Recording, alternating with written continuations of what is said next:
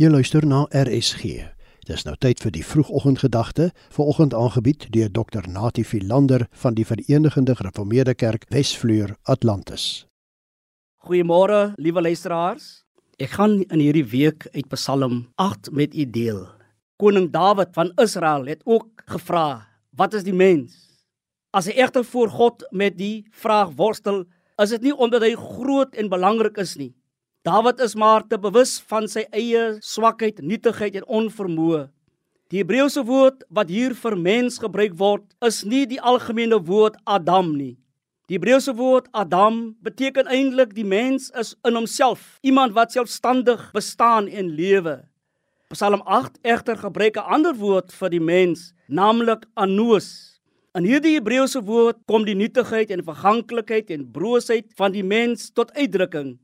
Dit is 'n moeilike vraag om te antwoord. Daarom het die ou kerkvader Augustinus eintlik net sy hande in die lug opgegooi en gesê: "Ek het vir myself 'n raaisel geword."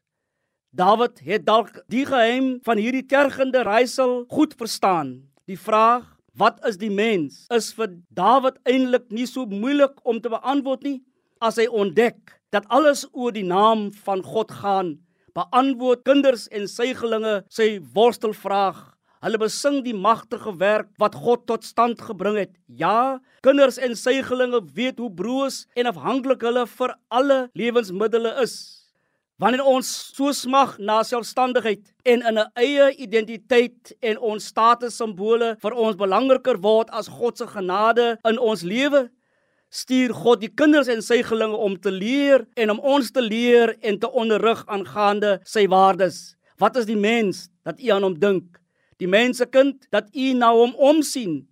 Ook Job weet van die mens wat leef deur die genade van God. As hy in Job 7 vers 17 sê: "Wat is die mens dat u soveel van hom maak dat u hom so op die hart dra?"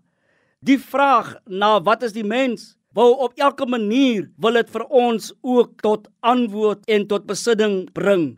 Amen. Die vroegoggendgedagte hier op RSG is aangebied deur Dr Natie Philander van die Verenigde Gereformeerde Kerk Wesvleur Atlantis.